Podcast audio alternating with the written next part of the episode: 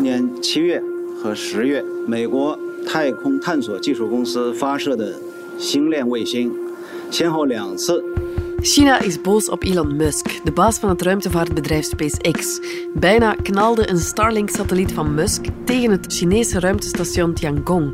Het is al de tweede keer op een paar maanden tijd dat er nipt een botsing wordt vermeden met een van de satellieten van de miljardair.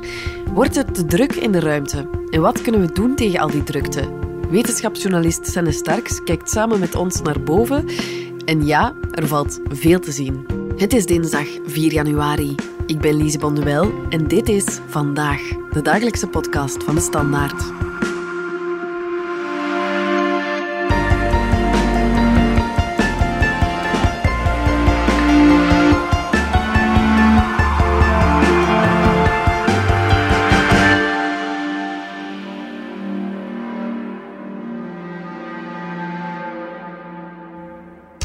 China beschuldigt de Verenigde Staten ervan dat ze zich niet houden aan de internationale ruimteverdragen. Zeker nadat het Chinese ruimtestation Tiangong voor de tweede keer moest uitwijken voor een satelliet van SpaceX, het Amerikaanse ruimtebedrijf van miljardair Elon Musk.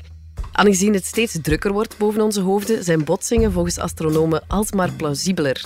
Senne Starks, wetenschapsjournalist, hoe druk is het daar nu precies in de ruimte op dit moment? Nu, als we alleen de satellieten bekijken, dan komen we uit op een, een kleine 8000 stuks die er momenteel in, in een baan rond de aarde draaien. Daarvan zijn er dus 1800 satellieten van SpaceX. Uh, die, die horen tot de constellatie genaamd Starlink. Die groep satellieten die dus uh, breedbandinternet over de volledige planeet moet, uh, moet aanbieden. En daarvan zijn er dus een kleine 2000. Daarnaast zijn er in die lage aardbanen waar die satellieten uh, draaien, daarnaast zijn er ook nog heel veel aardobservatiesatellieten, uh, spionagesatellieten, andere militaire satellieten. Natuurlijk hebben we ook nog een uh, aantal ruimtestations, twee namelijk. Het ISS, dat is waarschijnlijk het bekendste, uh, door de westerse landen, zeg maar, Europa, de VS en ook Rusland. En dan hebben we dan dat Chinese ruimtestation Tiangong, dat momenteel nog in, in opbouw is. Ja, de ruimte is oneindig. Hè? Wat is het probleem eigenlijk dat het daar te druk wordt? Want ik zou denken, als er nu één plek is waar er plaats genoeg is, dan is daar misschien wel. Ja, het heet dan ook de ruimte natuurlijk. Uh, voorlopig is er nog ruimte genoeg, uh, maar zeker in die lage aardbanen, waar dus die, al, die, al die satellieten um, rondzweven, uh, daar is de ruimte dus zeker niet onbeperkt. Zeker ja. als er, zoals nu, in de komende jaren zoveel satellieten bijkomen. SpaceX heeft er nu een kleine 2000 gelanceerd en de komende jaren zouden er daar nog eens duizenden moeten bijkomen. Mm. Ze mikken nu op 12.000 exemplaren en ze hebben zelfs plannen voor een, een megaconstellatie van 40.000 internetsatellieten. Oef. Nu, dat is, uh, dat is een, een, heel groot aantal. En dan nog is er ruimte daar in die lage aardbanen. Maar het zal toch puzzelen worden voor, uh, voor landen en bedrijven om hun, uh, hun activiteiten nog ten volle kunnen, te kunnen ontplooien daar. Bijvoorbeeld als satellieten te dicht bij elkaar uh, ja. staan, dan kunnen die elkaar signalen verstoren. Het is niet alleen dat ze elkaar in de weg vliegen. En natuurlijk is er ook dat extra gevaar dat, dat we nu nog niet hebben aangehaald, maar, maar dat er wel degelijk is van het ruimtepuin, waar bedrijven en landen dus ook nu al uh, mee moeten rekening houden en dat ook alleen maar uh, penibeler wordt. En wat is juist dat ruimtepuin? Ruimtepuin, dat is eigenlijk alle brokstukken van uh, kapotte satellieten, van mislukte lanceringen. Dus, dus alle afval, zeg maar, dat er rondzweeft in de ruimte. En ja, dat, net, net zoals de satellieten volgen die deeltjes, uh, brokstukken, maar, maar heel kleine fragmenten ook, soms zelfs microscopisch klein, ja. volgen die uh, banen rond de, de aarde en die blijven die decennia lang volgen totdat ze misschien soms eens naar beneden gaan en opbranden in de atmosfeer, wat, wat de beste oplossing is. Maar dat, dat kan soms heel lang duren. Dus Ja. dat wordt ruimtepuin genoemd. En uh, het probleem met die, die brokstukken is dat die enorme snelheden behalen. Tot wel 28.000 kilometer per uur. Wauw. En als je zoiets tegenkomt, dan uh, hoeft het maar een heel klein stukje te zijn. Uh, kan dat enorm veel schade veroorzaken aan bijvoorbeeld een satelliet, maar ook aan, aan een astronaut die een ruimtewandeling maakt. Ja. Of aan zo'n ruimtestation. En hoe groot is dat de ruimtepuin? Hoe moeten we dat inbeelden? Ja, er zijn verschillende stukken. Je, je, zou ook kunnen zeggen, sommige defecte satellieten die daar maar uh, werkeloos hangen, die, die, die kun je ruimteschroot noemen. Dat is ook een vorm van heel groot ruimtepuin. Daarnaast zijn er echte brokstukken die ooit zijn ontstaan bij ongevallen of, of bij, bij andere incidenten. Ja. Uh, bijvoorbeeld, als ze pakweg groter dan 5 centimeter zijn, wat nog altijd uh, wat een hele lage ondergrens is, dan, dan spreekt men al van, van zeer gevaarlijk ruimtepuin. En alles wat, me, wat groter is dan die afmeting wordt zelfs nauwlettend in de gaten gehouden. Bijvoorbeeld door de Amerikanen hun ruimtepuindetectiesysteem. En daaronder hmm. zijn er nog vele kleine deeltjes en ook die worden opgevolgd, niet rechtstreeks gemonitord, maar wel opgevolgd via allerlei statistische methoden. Dus uh, het, het, is echt wel uh, belangrijk dat al dat ruimtepuin goed in de gaten wordt gehouden. En het gaat in totaal om miljoenen honderden miljoenen fragmenten. En voor die, die stukken groter dan 5 centimeter zitten we toch al gauw aan een 23.000, volgens de laatste schattingen van de NASA, 23.000 uh, stuks. En dan hebben we toch het te maken met een formaat van iets van een uh, tennisbal, zeg maar. Ja, de VS en China die botsen over de satellieten van Musk. Hè. Dat was het laatste incident. Maar er zijn nog incidenten geweest hè, door de toenemende mhm. drukte. Nu ja, dat soort incidenten waarbij je dus moet uitwijken voor een andere actieve satelliet, dat is betrekkelijk nieuw. Tot nu ging het meer dat men moest uitwijken voor ruimtepuin of bijvoorbeeld een defecte satelliet die, die niet meer kan worden gecontroleerd. Uh, dus het is belangrijk dat we onderscheid maken tussen ruimtepuin, afval en dus satellieten, bijvoorbeeld van Starlink, die dus gewoon ja, actief zijn, eh, werken en soms ook nog kunnen bijgestuurd. En als er daarmee incidenten, als die dreigen uh, um, een andere baan van een, van, van een ruimtetuig te verstoren, ja, dan heb je natuurlijk wel een, wel een uh, diplomatiek incident uh, in de maak. En daarom heeft China ook recent protest aangetekend bij de Verenigde Naties die daarover gaan. Voor twee recente uitwijkmanoeuvres die het, het, het ruimtestation Tiangong heeft moeten maken. Ah, ja. Voor, voor dus twee Starlink-satellieten nu, die incidenten waarvoor China dus melding heeft gemaakt, um, dat gaat dus om actieve satellieten die daar uh, problemen kunnen veroorzaken. Nu, afgelopen jaar waren er ook een paar incidenten met, met echt ruimtepuin. In november moest het ruimtestation ISS zelfs tweemaal uitwijken voor brokstukken van, van oude satellieten. Een keer van een uh, Chinese weersatelliet die al in... 2007, als ik me niet vergis, is kapotgeschoten door China zelf in de vorm van een anti-satelliettest. Uh, en in november deden de Russen hetzelfde met een, een oude Sovjet-satelliet. Die werd ook uh, kapotgeschoten. En dat zorgde voor een, een, zwerm van brokstukken, waardoor het ISS dus moest uitwijken en waardoor de Russen zelfs hun eigen cosmonauten even in gevaar brachten. Hmm. En dat is natuurlijk not done, want op die manier, met die anti-satelliettesten, waar je, kunt, je kunt dat gewoon zien als spierbalgerol in de ruimte van grootmachten die even willen demonstreren over welke nieuwste technologieën ze beschikken. De Amerikanen hebben dat trouwens ook al eerder gedaan, van, van die testen. Dus iedereen heeft hier, het, uh, heeft hier boter op het hoofd. En dat is dus wel absoluut not done, want op die manier creëer je dus ruimtepuin zonder dat dat eigenlijk nodig is. Ja. Dat gaat over duizenden brokstukken, die, die mhm. zweven daar nu dus rond en die moeten dus decennia lang worden gemonitord, zodat daar uh, geen, geen ongevallen mee gebeuren. Nu, van het autoverkeer op aarde weten we dat er vorig jaar alleen al wereldwijd bijna 1,4 miljoen slachtoffers zijn gevallen. Hoe dodelijk is het ruimteverkeer? Ja, vooralsnog zijn er geen doden gevallen uh, door, door ruimtepuin. Uh, het gaat voornamelijk om potentieel gevaar. Mhm. De ruimtevaart is natuurlijk een, een, zeker de bemande ruimtevaart, een hypergecontroleerde onderneming waar je als er een dodelijk ongeval zou gebeuren, dan is dat vaak genoeg om een hele, heel ruimtevaartprogramma bijvoorbeeld eh, te, te cancelen. Herinner u de, de ah, ramp met de Columbia, met die ontplofte Space Shuttle in 2003? Ja, die heeft er uiteindelijk voor gezorgd dat de Space Shuttle uh, werd opgedoekt. Shuttle Columbia, with seven astronauts aboard, was streaking across the blue Texas skies just 16 minutes from home when it blew apart. In a horrifying echo of the Challenger catastrophe 17 years earlier, Flaming debris fell to earth along a 300 mile long trail of destruction from Fort Worth to western Louisiana. Dus men is zeer voorzichtig uh, bij -hmm. bemande ruimtevaart. Dus men zal het zeker niet zo ver laten komen zoals hier op aarde. En dat er gewoon maar ongevallen uh, voorkomen en dat, dat we dat zullen dulden.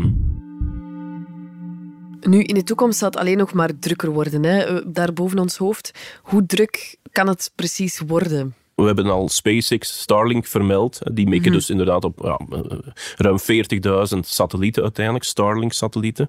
Dat is echt een mega constellatie. SpaceX is, is, natuurlijk niet het enige bedrijf dat daarop mikt.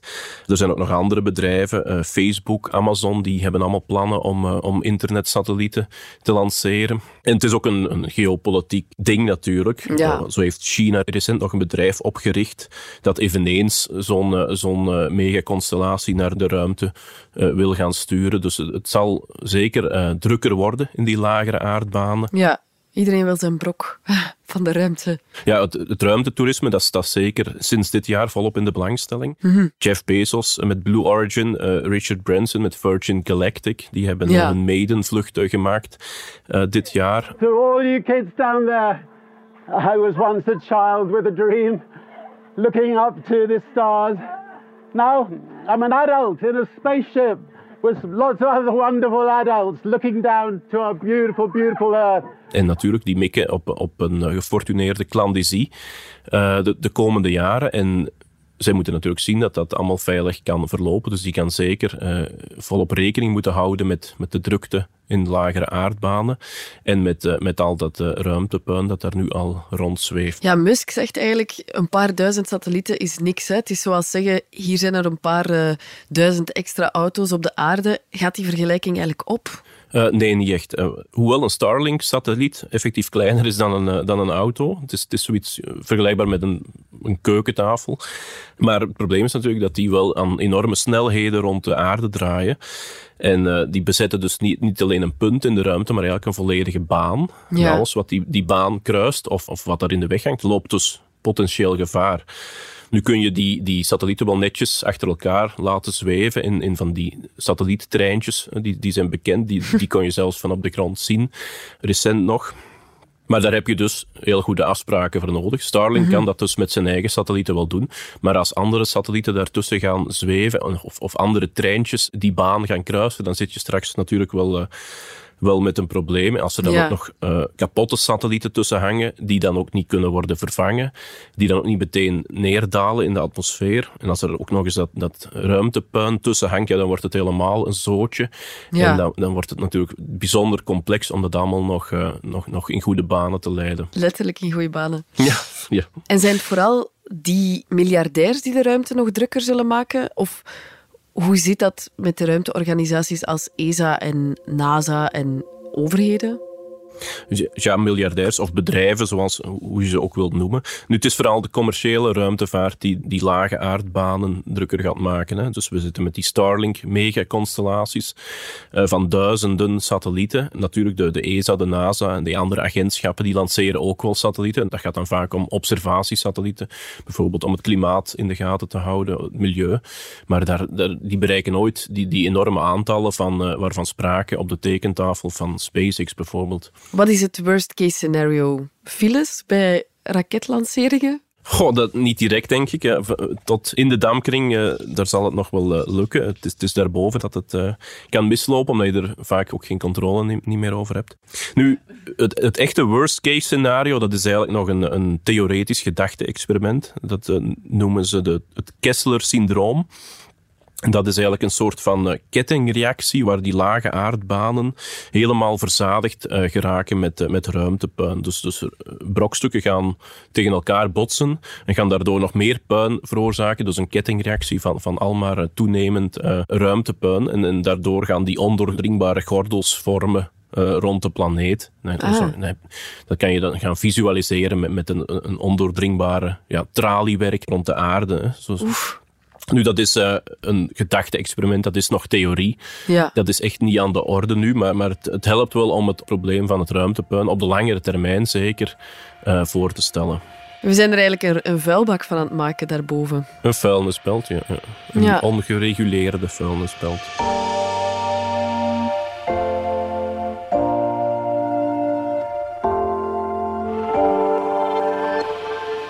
Nu, op aarde kan elk land politieagenten en verkeerslichten inzetten om het verkeer te regelen. Maar ja, wie moet het ruimteverkeer regelen? Ja, dat is het grote probleem. Er zijn een, aan, een aantal ruimteverdragen afgesloten, lang geleden, al in de jaren 60 en 70, uh, door de Verenigde Naties. En die zijn dus bindend. Maar het probleem is, er is niemand om ze te handhaven. Als je die uh, leest of, of de, de kernelementen uh, bekijkt, dan, dan klinken die heel vooruitziend. Bijvoorbeeld die stipuleren dat, dat landen vrij zijn om de ruimte te verkennen en te gebruiken voor hun activiteiten. Dat ze elkaar daarbij niet mogen hinderen. En dat ze bijvoorbeeld ook geen delen ervan, planeten, manen, asteroïden, mogen toe-eigenen. En ook in het geval van ongevallen, net zoals hier op aarde, moet, moet degene die in fout is netjes de schade vergoeden. Nu, toch zijn die verdragen opgesteld in volle Koude Oorlog in de jaren 60 en 70. Eh, ze zijn eigenlijk gewoon het gevolg van de race naar de maan. Zowel Amerika als Rusland eh, die waren allebei bang dat, dat de andere zou winnen. En dat die dus op de maan uh, niet alleen letterlijk uh, zijn vlag zou planten, maar ook figuurlijk. Dus dat ja. de maan zou worden toe, toegeëigend. Daar, zijn, daar is zeker dat eerste ruimtevaartverdrag uit 1967 een gevolg van. Dus in concreto komt het erop neer dat die, die verdragen stipuleren dat de, de ruimte van iedereen is. En dus, dus landen, bedrijven vrij zijn die te gebruiken. Ja, maar hoe raak je daar dan uit? Moeten daar geen preciezere regels rondkomen?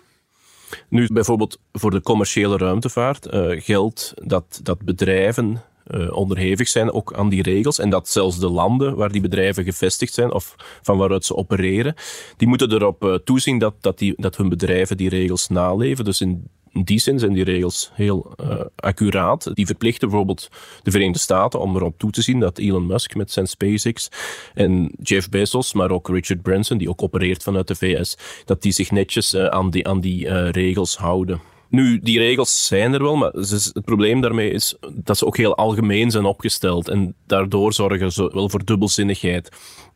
Zeker voor bijvoorbeeld een, deel van een missie binnen de damkring. Dus dat gaat dus over de, de ontwikkeling van een missie, de bouw van, van een satelliet bijvoorbeeld.